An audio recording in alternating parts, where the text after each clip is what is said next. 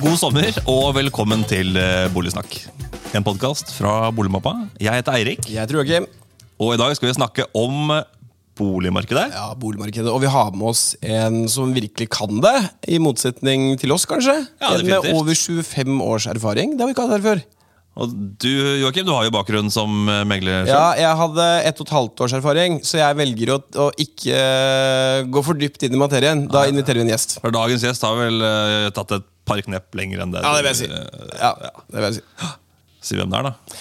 Anders Langtind fra Privatmegleren. Kanskje Norges mest kjente megler? Er det lov å si? Det er jo Oi. farlig å si, da, hvis lytter der ute. Bare hvem er det? Ingen vet hvem det er. Nei, Jeg vet ikke om akkurat det, men jeg har jo holdt på veldig lenge da. Ja. Eh, så det har jo blitt over 25 år. Eh, og det har ja, vært en fantastisk reise. Uh, syns det, altså. Så skikkelig gøy. Eh, elsker fortsatt jobben min. Ja. Mange som stusser over Men fader Anders, jeg ser du er på visning hele tida hver helg. og sånn, og det eh, det er faktisk det morsomste med hele jobben. Mm. Det med visning og møte masse nye mennesker. og ja, Det er litt sånn syretesten òg, det vet jo du som jobbet som Ja, egen liten stund. ikke sant? Du har gjort alt dette forarbeidet og undersøkelsen og markedsført og alt det. Så det er liksom når du åpner døra da, da. Så, nei, så det er gøy. Hvordan holder du ut i 25 år? Det er ikke en 8-4-jobb. Nei, jeg tror, altså Det som er eh, grunnen til at man har holdt ut så lenge, er rett og slett på grunn av at jeg bare digger jobben min. Elsker det. Ja.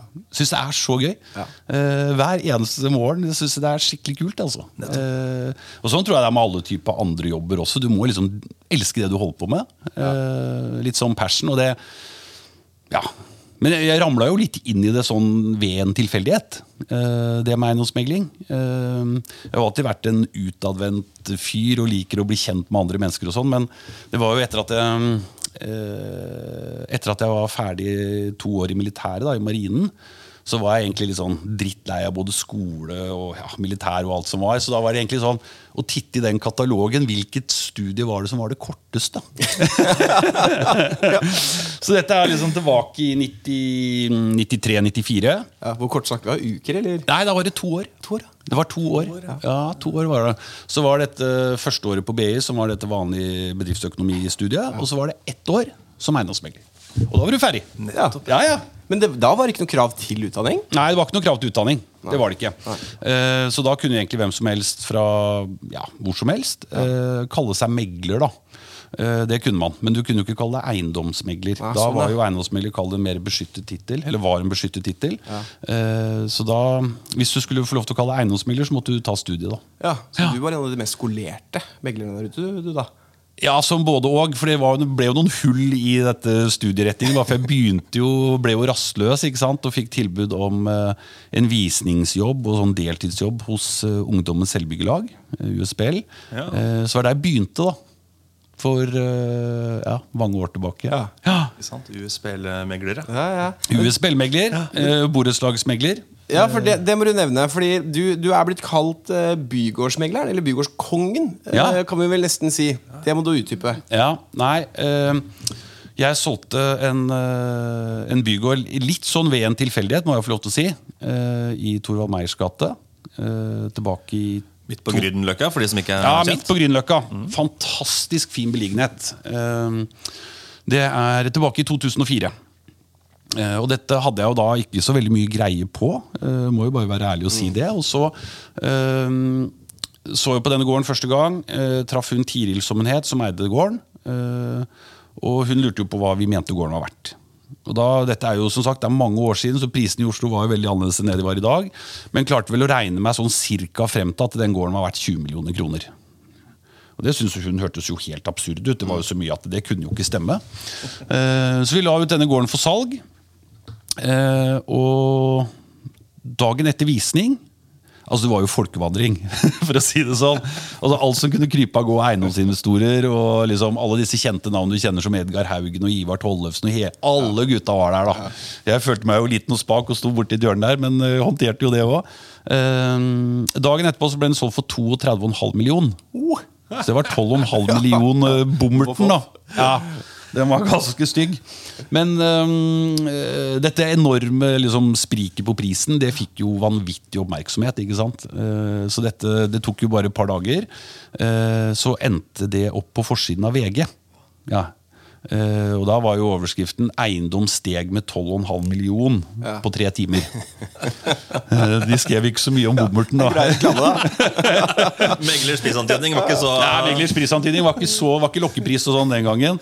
Eh, og det som skjedde da, var jo selvfølgelig at det var jo mange private gårdeiere i Oslo som fikk med seg dette. Det som er viktig å si, er at det før liksom 2000 da, så var det jo ikke så ekstremt lukrativt å være gårdeier i Oslo. Det var jo ikke det.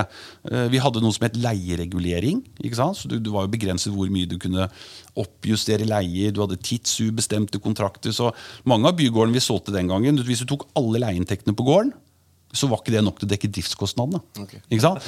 Så, og, men så plutselig så, så jo disse gårdeierne at fy fader, gården min er jo verdt masse penger. Det er jo ikke bare et sånn kostnadssluk som jeg arva etter faren min og vært gjennom byfornyelsen og alt dette greiene her. Så derfor så begynte det å rulle da, eh, ganske mye. Årene etter her, så liksom, etter 2004 så har vi liksom solgt sånn ja, et eller annet sted mellom 20 og 30 gårder i året. da. Så det har jo blitt ganske mange. Ja, mye. Ja, eh, det har det. Så, eh, og det er jo supergøy. Eh, mye av det er jo veldig veldig lange prosesser. Eh, solgte en gård faktisk til morgen da, før jeg kom til dere her nå. Eh, og Første gang han eieren kom på kontoret mitt, det er over to år siden.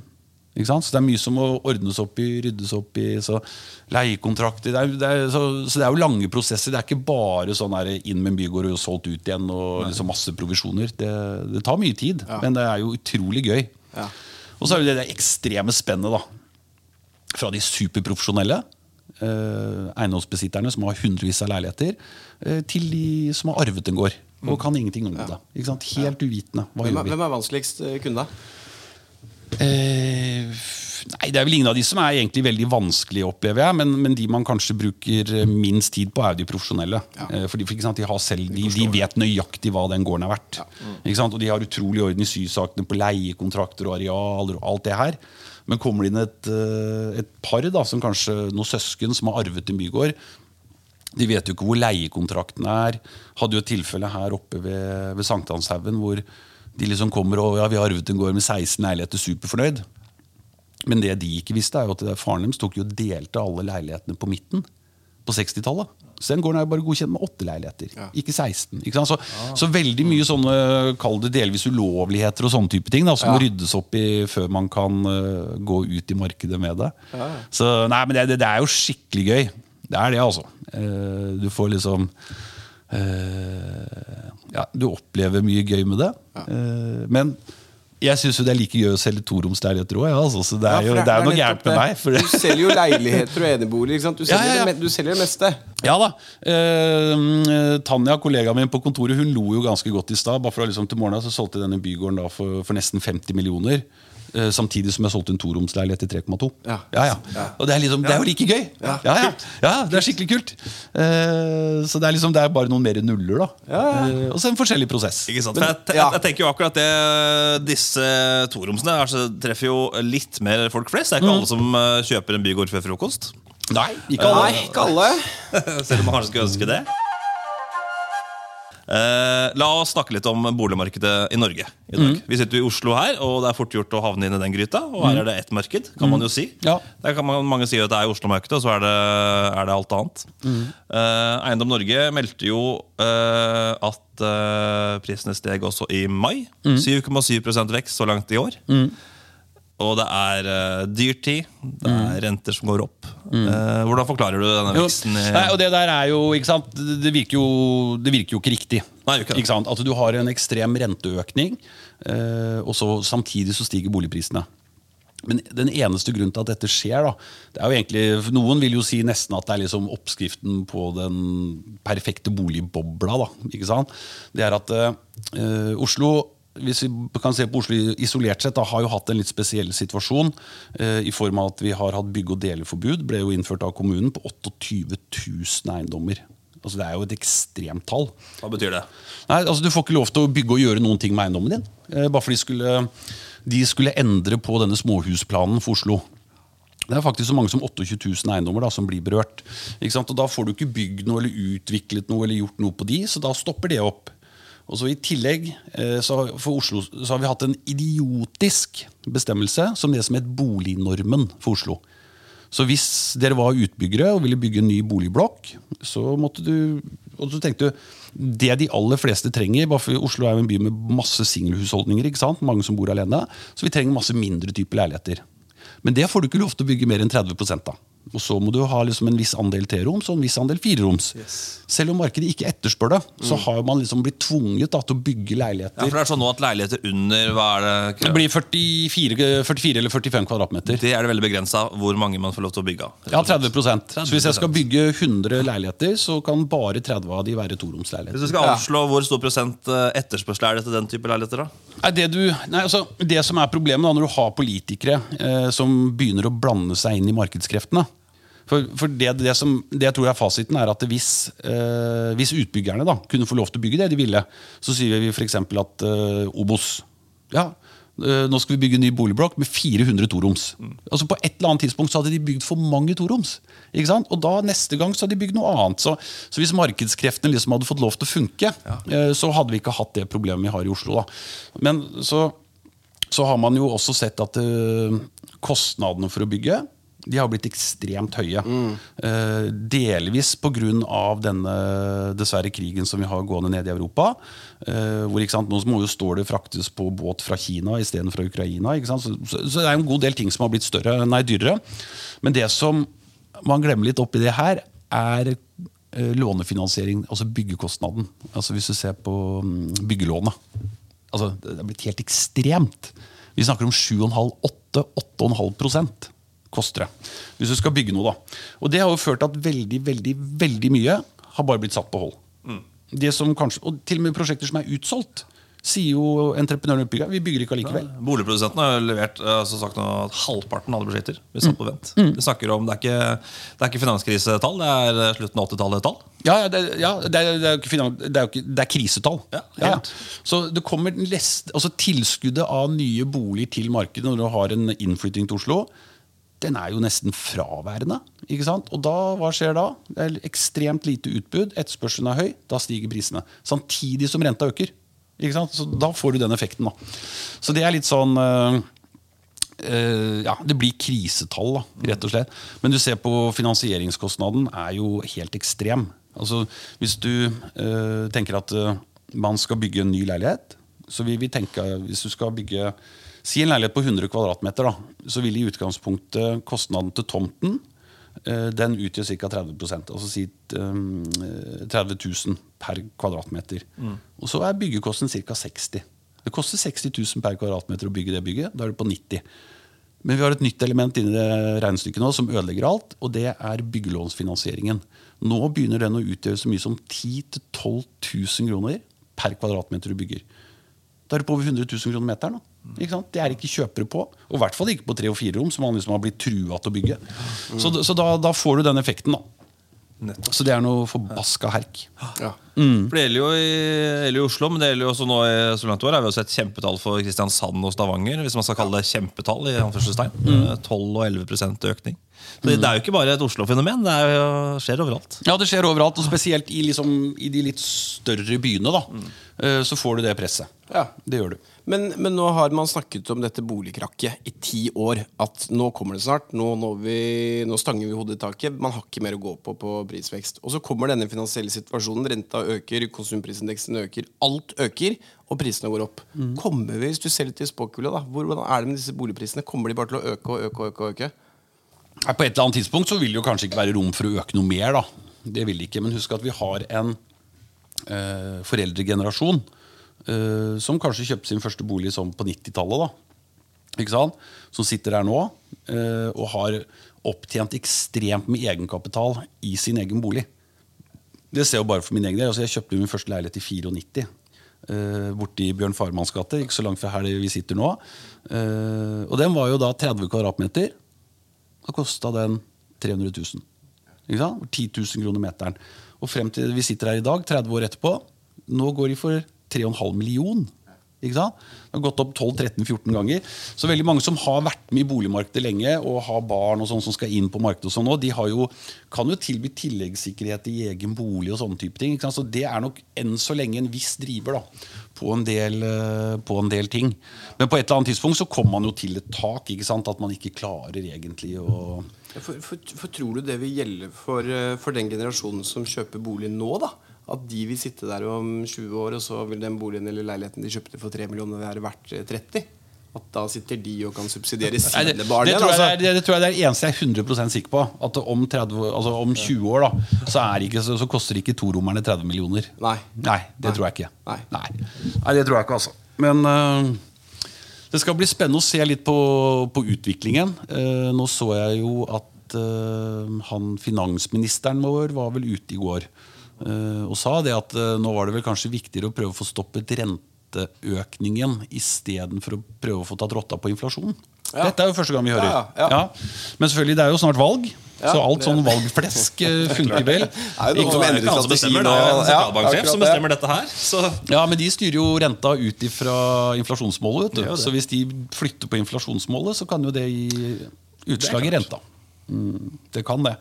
Men eh, vi får se. Altså, det som er et stort paradoks, som ingen snakker om, det er at per i dag i Oslo og i mange andre de største byene, Bergen, Stavanger, Trondheim, så er det faktisk billigere å leie enn å kjøpe og eie bolig. Og det er mange som Nei, det kan ikke stemme. Nei, det kan ikke stemme. tenker jeg. Jo, men det stemmer. Det gjør det. For hvis du tenker at du har en, eh, en toromsleilighet, da. I snitt så ligger jo toromsen i Oslo på sånn 15 000-16 000 i måneden. Eh, For en toroms på 50 kvadrat. Men, men den koster jo si 5 millioner, da. Ja. Til 4% rente. Det er 200 000. Det er bare rentekostnaden. Og så har du noen felleskostnader si på 3000 i måneden. Da er du på 40 ikke sant? Så det er 240 000. Det koster å kjøpe den der eh, leiligheten. Ja. Det er 20 000 i måneden. da. Ja, Det er ikke 17 Så vi har kommet til det punktet hvor at renten har økt såpass mye som kjøper da, eh, av en bolig. eh, Så er det faktisk dyrere å kjøpe og bo i den enn å leie den. Ja. Ja. Hva tenker du det gjør med sekundærmarkedet? Nei, eh, vi opplever at vi har en del førstegangskjøpere som eh, nå er eh, usikre på renteveksten, prisveksten og sånne type ting. eh, som heller ønsker å leie. Det gjør de. Eh, og det er sånn eh, Husk at eh, i Norge så er det jo ikke Eller det er mange, da. Er, de, ja, vi har 80% som eier, 20% som leier bolig. Eh, og det betyr at det er faktisk over én million nordmenn som bor i en leid bolig. Eh, så selvfølgelig det vil jo, når, når man ser at det er billigere å leie enn å eie, så vil nok det kanskje sette et enda større press på det. da Det er litt interessant, da, fordi det det med eierlinja i Norge står veldig sterkt. Og hvis du leier i Norge i dag, da blir du nesten sett på som nesten litt fattig. ikke sant? Da eier Ja, ja. du ikke din egen boenhet. Da er du, er- Eier du ikke leiligheten din, liksom? Ja, det er under fattigdomsgrensa. Hvordan går det her? Og det er faktisk nå økonomisk mer lukrativt i mange tilfeller ja, ja. enn å eie. Har en ganske smart fyr. Uh, han uh, har en, uh, en veldig, altså han har en veldig fin leilighet. Så man kan sette opp en delevegg, og da kan han leie ut fire soverom i den leiligheten. Så det, ha- og den eier han. Ja. Men det han har funnet ut, er at nå leier jeg ut uh, hvert soverom. Uh, nå begynner vi liksom å få 8500, ikke sant? Da får han 35 000 i måneden i leieinntekter på den. Og så skal han leie egen bolig. Skal han leie en annen leilighet sjøl. Ja. Ja. Bare for han ser at det er billigere å leie, og så kan han dele opp og få en høyere leieinntekt på den. Bare for leieprisen har steget ganske mye. da Så det er noen som eh, sitter og følger med og gjør mye grep. da Så det er litt sånn kult. Ja, det er kult. Som kremmerånd. Det har jeg ikke i meg. Ja. Jeg, jeg fanger opp sånn ti år for seint. Nei, altså, det er noen som eh, tenker litt sånn. Og så eh, dette skattetrykket på sekundærboliger, da, som, altså, som betyr utleieleiligheter, har jo blitt ekstremt. Eh, så jeg har jo ikke i løpet av de fire-fem siste årene nå nå var det jo, Vi skal ikke skylde på de som sitter og styrer landet vårt nå, for det var jo den tidligere regjeringen som innførte dette med primærbolig og sekundærboligbeskatning. Eh, og For de som ikke kjenner til det, hva er forskjellen i skatt? Nei, Det betyr at uh, hvis du har uh, en bolig si til, ti til 10 millioner, da, for det er litt enklere å regne på, og du bor i den selv, så vil du få ca. en tredjedel av verdien får du tillagt som en formue. Ikke sant? Så Hvis du kjøper en leilighet til 10 millioner, ja, så får du en sånn tillagt formue på tre. Hvis du bor der selv. Men hvis du skal leie den ut, som vi kaller for sekundærbolig, så vil, skatt, så vil formuesverdien være full reell verdi. Okay. Ja, det er 10 millioner. Så hvis du leier ut den, eh, eller hvis du sitter i en formuesskattsposisjon, så vil du få, kall det hele formuen tillagt. Det gjør du. Eh, Og det vi ser nå er at eh, For de som har utleiebolig, de får tillagt den hele verdien, og så får du formuesskatt på det, og så må du skatte 22 av leieinntektene. så- Ja, søkk og snøre så taper du penger på utleie. da. Du gjør det. det Høres jo helt snodig ut. Ja, Men uh, Høyres intensjon med dette i sin tid var vel å på en måte sørge for at ikke for mange pengesterke godt voksne kjøper opp mindre leiligheter i byene som studenter og førstegangsetablerere Mm, ja, nei, det, det var jo hensikten med det. Eh, og så har vi de som styrer landet nå. De har jo skrudd opp sekundærboligverdiene til full reell verdi. Det var jo ikke det før. Hvis vi hadde denne leiligheten til 10 millioner og jeg bodde i den selv, så var det tre. Uh, og så var det sånn ca. dobbelt så mye okay. på sekundær. Ikke sant? Så da ville du bli tillagt 6 millioner i formue. Men nå er det fullt ut. Nå er det 10 millioner. Mm. Uh, og da er det ikke så veldig lønnsomt å drive med boligutleie. da. Nei. Det er ikke det. Men apropos beskatning, for nå har vi snakket litt om de mindre leilighetene og beskatning, og så er det et kjent eh, begrep med skatteflyktning om dagen. Mm. Sveits. Liten tur til Sveits. Hvordan påvirker det high end-segmentet? Ja, Altså det, det har jo blitt en utfordring. Eh, altså det har det jo garantert blitt. For eh, nå har jeg vært heldig opp gjennom årene å få lov til å liksom selge noen av de dyreste husene i landet. Eh, og, eh, og kjøperne i det segmentet er jo borte. Altså, de har skiftet retningsnummeret på mobilen til pluss 41. Det har de. ikke sant? De bor i Sveits. Eh, og det er litt sånn, jeg sa litt sånn spøkfullt her at det, dette, vi solgte et hus på Bygdøy for en del år tilbake. Det er jo det dyreste huset som er solgt i Norge. Det ble jo solgt for 225 millioner. Og vedkommende som eide det huset, han flyttet jo til Sveits. ikke sant? Og han som kjøper det, han var jo superfornøyd. Altså, det er faen meg en av de flotteste eiendommene jeg har sett i hele mitt liv. Det er helt vanvittig. Helt vanvittig. Liksom Ti mål tomt med strandlinje og 1000 kvadratmeters hus. hvor Det er ikke, det er ikke et eneste sted i huset det er noen ting å utsette på det. Liksom. Det, var så, var så lekkert at uh, Alt dokumentert i boligmappa. og- Alt ligger, alt ligger lagra i boligmappa. Garantert. Uh, men uh, han som kjøpte huset Nå har jo han også flytta til Sveits. Ikke sant? Eh, så det er litt sånn eh, Hva skjer med det segmentet der? Jo, eh, det vil være ekstremt få kjøpere da eh, som, som bor igjen. eh, Og ikke minst som vil eh, bruke så mye penger på bolig. Men jeg har jo selvfølgelig fortsatt mange av disse ekstremt bemidlede kundene. Og en del av de er litt sånn smarte nå. Nå sitter de og venter. For plutselig så kommer det noen gode kjøp. Eh, For hvis, ikke sant, de må jo selge da, hvis du flyttet nå i år, så må du selge Du har ikke lov til å eie primærbolig da, i Norge. Hvis du har eh, tatt stikk av bussen. Wow. Nei, det har du ikke. Nei. Eh, Så noen av de som har flyttet, og, og veldig mange dessverre, da, er jo veldig mange eiendomsaktører. De har jo en mulighet ved at de eh, kan selge huset sitt til eiendomsfirmaet sitt. Ja. Men det må jo være selvfølgelig til full reell verdi. Du må liksom få taksert opp og betale dokumentavgift og alt det her. Og så kan man leie det ut da, via eiendomsselskapet sitt. Det kan du gjøre. Ja. Mm, for å bli kvitt det. Ja. Eh, men selvfølgelig, det er jo ikke alle som har den muligheten da, til å gjøre det på den måten her. Og de må jo selge boligene sine nå. Ja. Det må de gjøre. Så Derfor så har vi en del av disse som superrike, da, som fortsatt bor her hjemme. De sitter jo og venter litt på at det kommer noen muligheter. Det gjør de. Ja, ja. Jeg, jeg visste ikke at de måtte selge. Ja, du må selge. Du har ikke lov til å eie primærbolig i Norge. Eh, men det vi ser, og det jeg tror da, som man skal holde et sånt uh, lite øye med, for det kommer til å bli skikkelig spennende nå, tror jeg, gjennom sommeren, det er at de som har flyttet og de har jo fortsatt en tilknytning til Norge. De kan være her i 62 dager i året. Eh, De vil nok ønske seg en hytte. Og gjerne ved vannet. Så jeg tror at en del av disse sjøhyttene vi har, da, i liksom de fine i det høyere segmentet, det kommer til å stige noe voldsomt. Jeg tror vi kommer til å se noe gjennom eh, sommeren 2023. Så kommer det til å bli satt nye rekorder på fritidsbolig. Ja. Og jeg, jeg, er ikke, jeg kommer ikke til å bli overrasket hvis jeg ser første gang hytte ved sjøen som er solgt for over 100 millioner. Det kommer til å skje i år. Ja. Ja, ja.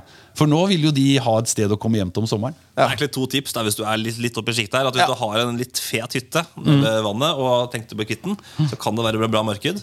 Ja, Ikke selg den billig, i hvert fall. Nei, nei, Nei, nei. Hvis du har liksom 100-150 millioner liggende og har tenkt å kjøpe deg noe fint på Bygdøy eller lignende, så kan det også være et godt marked for det.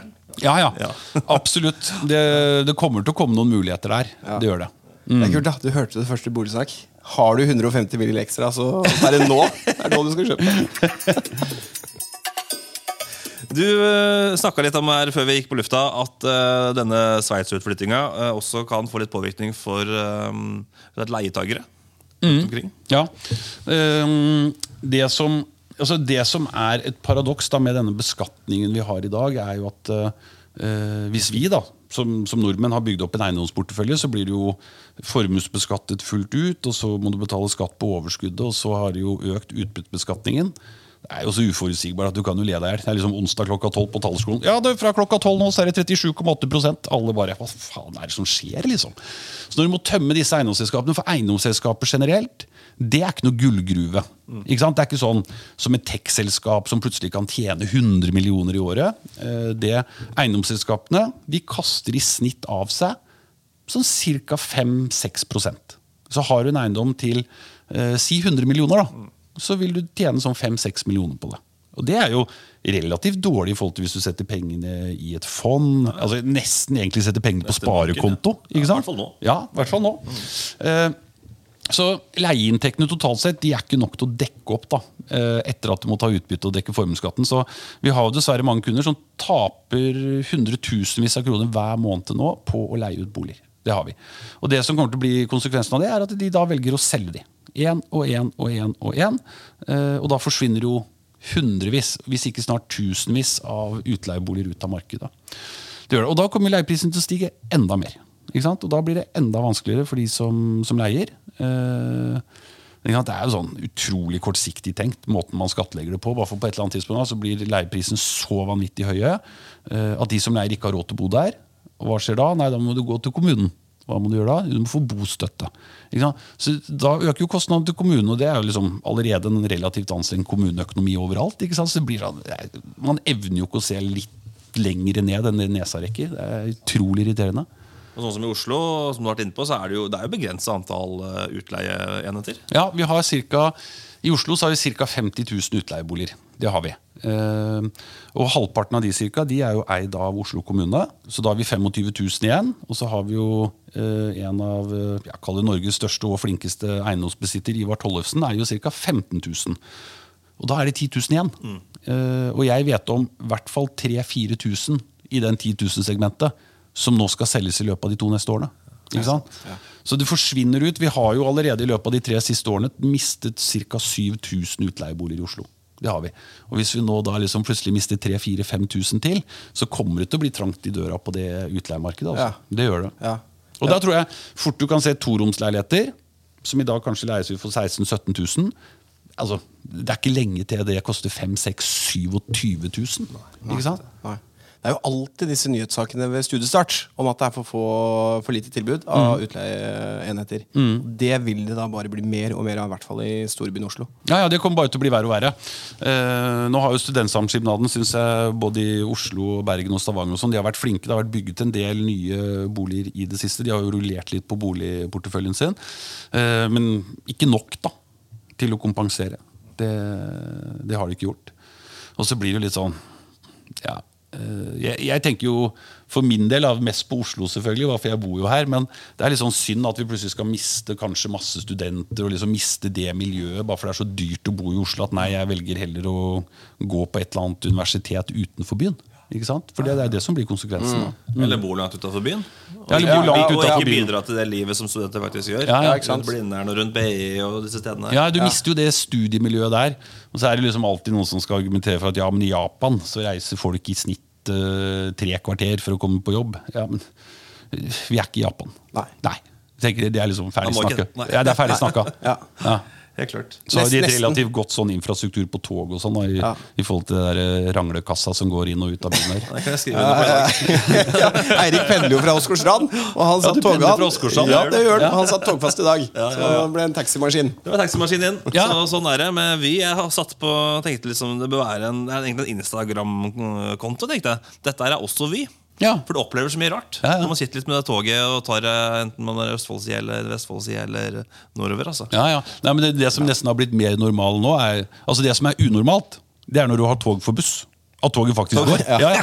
Det er liksom det nye. Ja, ja. Så det er jo helt utrolig. Men, uh... Men det, det har jo veldig innvirkning på boligprisene også. Dette her, Hvordan, hvordan fungerer uh, infrastrukturen rundt en storby som Oslo? Mm.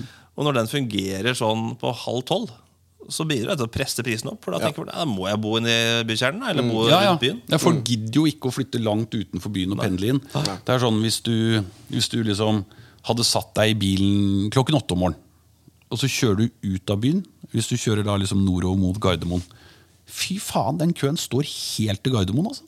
Det er liksom, hva skjedde, altså, hvor, hvor, hva skjedde med veien? Og Det er det samme hvis du kjører ut av byen ned mot Åsgårdstrand. da. Klokka åtte om morgenen så står jo køen fader meg forbi Asker. Den gjør det. Altså, Det er jo helt Ja, det er helt kaos. Jeg bor på Fjellhamar, så det er jo mot uh, den, den veien du refererer til. Ja. Og, og rushene starter to, og den gir seg ikke før sånn seks-sju. Nei, nei. Det, er, det er ikke noe rushtid lenger, liksom. Det er bare jevnt over rush. Det er bare jevnt over rush, Ja. Alt det Og så tenker Man må se liksom det samfunnsøkonomiske i det der. Bare for at det, sånn som Når du sitter i bilen to timer hver dag da Det går det utover produkt Du kunne jo brukt den tiden på Ja, noe annet. ja, ikke ja, sant? Ja, ja. Eh, og det er det jo mange som ser, og så tenker de ok, istedenfor å bo kanskje i en fin, hyggelig enebolig på Fjellhamar, så velger jeg heller å flytte til byen og kjøpe en litt sånn halvlurvete, dårlig treroms. For, for da får jeg i hvert fall to-tre ekstra timer med barna mine hver dag. Det er jo litt sånn. Ja, ja, ja. I en treroms til 35 000 kroner snart, ikke sant? Ja, jeg har ikke plass til barna i den boligen, men jeg får mer tid til dem. Det, er liksom, det blir avveininga. Ja, det er det som blir avveiningen. Ja. Anders, vi må, vi må videre. Du er, Ja. jo, du er jo eiendomsmegler. Du er ikke bare boligmarkedsekspert. Nei, Ikke sant? Du selger boliger. masse boliger. Masse boliger. Ja. Eh, jobber i eh, den kjeden som heter Privatmegleren. Som har eksistert en eh, god stund ennå. Ja, Du var med på å starte det, var du ikke det? Jo da. Jo. Eh, åpnet det første kontoret eh, til privatmegleren. Det ble åpnet på Ullevål, da, hvor vi fortsatt sitter en dag i dag. Eh, og det var 1. oktober 2004. Så til neste år så har vi jo fader meg 20-årsjubileum. Ja, ja. Så det er ganske gøy. Vi gleder oss til fest. Ja, det blir en vi kommer kjempefest. vekk, sier det med en gang. Blir, la oss håpe det fortsatt er boligfest, men det blir i hvert fall fest. Det gjør det. Men du, var- du var innom det i starten. Du elsker jobben din. rett og slett Hva er, det som, hva er det som driver deg til å Hvorfor er det gøy å selge boliger for folk? Nei, altså, det er jo alle disse menneskene man møter. da Og så er det litt sånn eh, Man blir jo tilgodesett med en ekstrem tillit. ikke sant? Man møter på folk i alle forskjellige livsfaser. Uh, kanskje de akkurat har fått barn, trenger større leilighet. Uh, kanskje de akkurat har mistet noen nær seg. Ikke sant? Så Noen har dødd, så man må flytte. Så, så det er liksom alle disse liksom stadiene i livet da, hvor du blir involvert, og noen gir deg så mye tillit ikke sant? til å være med på, på det der. Altså, de kommer jo liksom tross alt inn på kontoret med, med absolutt alle pengene de har, og treffer en annen kar som sitter her i dress som de aldri har truffet før. Liksom, du Kan du hjelpe meg liksom, med disse 15 millionene, liksom? Eh, for vi skal selge. Uh, nei, så det er, det er utrolig givende. Det er det, altså. Ja. Det er skikkelig kult. Uh, og så prøver man å ja, alltid, hele tiden selvfølgelig, gjøre så godt man kan. da ikke sant? Gi de beste rådene, så resultatet blir best for de. Og det der er alltid sånn, sånn Det folk alltid lurer på, er liksom hva får jeg? Hva kan jeg få for boligen min? Men som jeg sier at eh, altså, Vi kan jo ganske altså, med ganske relativt stor grad av sikkerhet si sånn cirka hva du får. Men at det noe avvik, det blir jo alltid, selvfølgelig. For du blir sånn avhengig av hvem er i markedet her og der. og sånne type ting. Men jeg tenker på at for de som skal selge bolig, så tenker jeg det er mye av den prosessen i forkant. Eh, liksom, med prospekt, presentasjon, eh, passe på at huset ser best mulig ut. og sånne type ting. Men det er jo igjen, da kommer jeg tilbake til den der visningen min. Det er jo den som egentlig blir avgjørende. Hvor mange folk har du på visning, og hva er tilbakemeldingene etterpå. Bare for jeg tenker, Hvis megleren din kanskje har sagt at du får 10 millioner for huset, og så har du 20 stykker på visning, tre-fire stykker som byr, og det, hvis det ender på 9,3, da, så er det 9,3 som er fasiten. Det er det. Ikke sant? Ja. Men til den visningen, du, du, har, du har avholdt mange visninger. Og jeg regner med at du har hatt mange forskjellige mennesker innom disse visningene. Oh, har du noen liksom, unike visningshistorier? Ja, ja, ja. Ja der, altså, der har vi mange historier. Uh, altså, jeg hadde en visning på, oppe i, i Ullevål Haveby. For en kar da som hadde totalrenovert leiligheten. Skikkelig skikkelig strøken leilighet oppe på Damplassen, som det heter. Eh, men som alle andre håndverkere og jo sånne boligflippere, da, som det så grusomt heter, eh, så er det jo det er, liksom, det er forskjell på ferdig og så ferdig-ferdig. Hvis det er ferdig-ferdig, så er det ferdig. Men ferdig det er sånn 90% ferdig. Og dette var på vinteren. Og så kommer det en dame inn uh, på visning. da Alle kommer jo med masse klær og greier. ikke sant? Men han er um, megler Smekk han har jo fyrt opp i peisen og 900 sterile. Så det er så varmt her inne. Så den jakka må jo ha. Og så hun går rundt med den der store sånn eh, dunjakken sin med sånn fuskepels på. Og går rundt og titter og sånn. Så tar jo faen meg den der fuskepelsen fyr, ikke sant? bare for hun kommer borti et sånt stearinlys. Og vil, det blir jo liksom full kaos inni denne leiligheten. Så tenker jeg jeg får bare ta den der jakka og så kaste den i badekaret og så spyle på den. Og det gjør jeg jo, da. ikke sant? Så liksom Full fres med badekar og få slukket den brannen som begynte å oppstå. Men som sagt, det var jo ikke helt ferdig. Så badekaret var jo ikke kobla til. Så det rant jo vann overalt. Nei, det er helt Nei, det der er sånn der, uh, morsom historie, altså. Men nei, og Det som også er rart med visning, er liksom hvor mange som skal mene noe om det. Gjerne noen naboer. Også noen som bor i gata. Jeg hadde en, og Det er jo ikke så langt fra borti her vi sitter nå. Uh, borti Elisenbergveien. Skulle jeg selge en leilighet. Og der, eh, ja, Det er vel ikke lov til å si det når jeg sier det for det, men hun der naboen som bodde der, hun var klin gæren. For eh, under visningen altså det, Under visningen så kommer hun først, Jeg traff henne først. Og liksom, ja, skal vi selge? Og ja, nei, jeg kan ikke selge her. Og nei, det er så mye bråk i gården. og sånn. Jeg bare, ja, ok. Ja, Det er jo trist å høre, liksom. Så under visningen, etter en halvtime, når det kanskje er 10-15 stykker inn der, så kommer hun inn i leiligheten og begynner å spille trompet. Og ikke kunne hun spille trompet heller! Altså det, var, altså det var helt utrolig. Og når jeg da kom tilbake dagen etterpå og skulle ha visningsrunde nummer to Dette er i tredje etasje.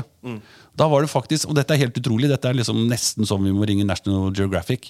For da var det en rotte som hadde klart å gå opp trappen og dø på dørmatta i tredje etasje.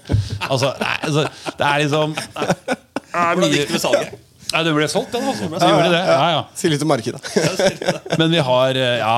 Det er liksom sånn På, på boligsiden så har det jo vært eh, ja, mye morsomt med det. Ja. Men eh, på det bygårdssiden så er det jo også mye rart, selvfølgelig. Ikke sant? Skulle se på en leilighet som lå nede i Seilduksgata, bort på Grünerløkka. Eller en gård, unnskyld. Og så skulle jeg titte på kjelleren, bare for jeg hadde bare fått låne nøklene. Men der var det plutselig fire som hadde flytta ned i kjelleren. Det er jo ikke alltid like hyggelig. Eh, og så hadde jeg en ganske fin eh, gård borti Kristine Lundveien. Det er liksom en av våre, det er sånn topp ti-adresse i Oslo. Og Der var det faktisk et hus som var leid ut litt sånn på korttidsbasis eh, til litt sånn, ja, litt sånn trengende leietagere, da, må man få lov til å formulere det som. Men jeg da kom inn der i dress og hadde med meg en kunde.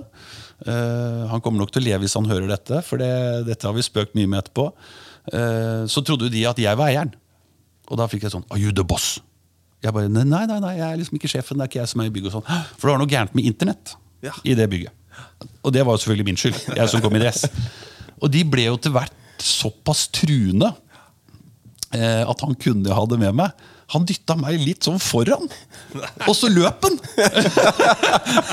og da tok jo jeg beina fatt òg. Så du kan tenke deg to høye karer på liksom over 1,90 kommer løpende ned Kristine Lundveien og ut i Bygdø allé med tre karer på slep. Nei, vært Han har ikke sett Band of Brothers, da. Det var ikke noe Nei, vi mot dem. ikke mye Band of Brothers. Det har han fått høre mange ganger etterpå òg, så Men det er klart at ref det du sa i stad, om at liksom eier man en bygård og kanskje kan sitte igjen med en 4-5-6% fortjeneste i bånn. Og tenk, tenk så mye handling ja. det må være underveis med sånne som har internett. Ja, ja. Og, Nei, du, det, er, uh, det er mye mer jobb enn man tror. Uh, Jeg hadde en god kunde av meg som sa en gang litt sånn jeg bare, Fy fader, du har liksom fått over 100 leiligheter nå. Det er imponerende. jeg. Ja, men du skal ikke glemme at uh, har du 100 leiligheter, så har du 100 problemer. Ja. Det er sånn, altså. Ja, ja. De ringer når lyspæra ikke virker, og sikringen har gått, og det er liksom Ja. Så, så det, er ikke, det er ikke bare en walk in the park. Det er mye å, å holde orden på. Har du 100 leiligheter, så har du 100 bad. 10% av de går jo i stykker hvert år. Så det er, det er liksom Det er mye å holde på med, da. sant? Det er det. Ja. Vi har, vi har prata litt tidligere om um, ting du skal gjøre på befaring og visning og budrunde. Mm. Uh, kan du ikke bare ta noen liksom korte trekk? Hva skal, du, hva skal du ikke gjøre på befaring? Har du noen opplevelser fra hvor det har gått uh, ting du absolutt ikke skal gjøre? Budrunde, visning, befaring. Nei, jeg tenker Det du i hvert fall absolutt ikke skal gjøre når du skal på befaring, er å stille uforberedt. Ja. tenker jeg. Det er liksom det viktigste. Eh, husk at disse eierne og selgerne våre de har jo tross alt liksom, de, de har jo ryddet huset sitt. ikke? Du, de skal få en megler på besøk. Så du må liksom være forberedt i forhold til ja, Hvor mye tror du dette huset er verdt på forhånd? Nå er vi heldige å ha en god del bra datasystemer i dag som følger eiendomsmarkedet hele tiden. Dette eiendomsverdi, som det heter. Eh, så du vet jo alltid liksom hva nabohuset og alt er solgt for. Så, så jeg tenker Det er liksom første regel. Man må komme forberedt. Ikke litt sånn heseblesende inn og liksom 20 minutter for seint og alt er litt sånn. Så, så det må man eh, passe på. Og så tenker jeg det det du spurte om med budrunder da. Eh, nå er jo jeg selvfølgelig over 50, ikke sant? så jeg har nok en litt annen tilnærming til det. Men du må ringe. Eh, vi har litt for mye sånn SMS-megling. Sånn eh, varsling på SMS uten å ta opp telefonen og ringe og ta en prat med folk. Det blir litt sånn Du vil jo ønske å føre den personlige tilbakemeldingen da, fra disse budgiverne. Og så ønsker du kanskje å formidle det også. Du, nå har jeg fått et nytt bud på 4,5. Hva tenker du om det?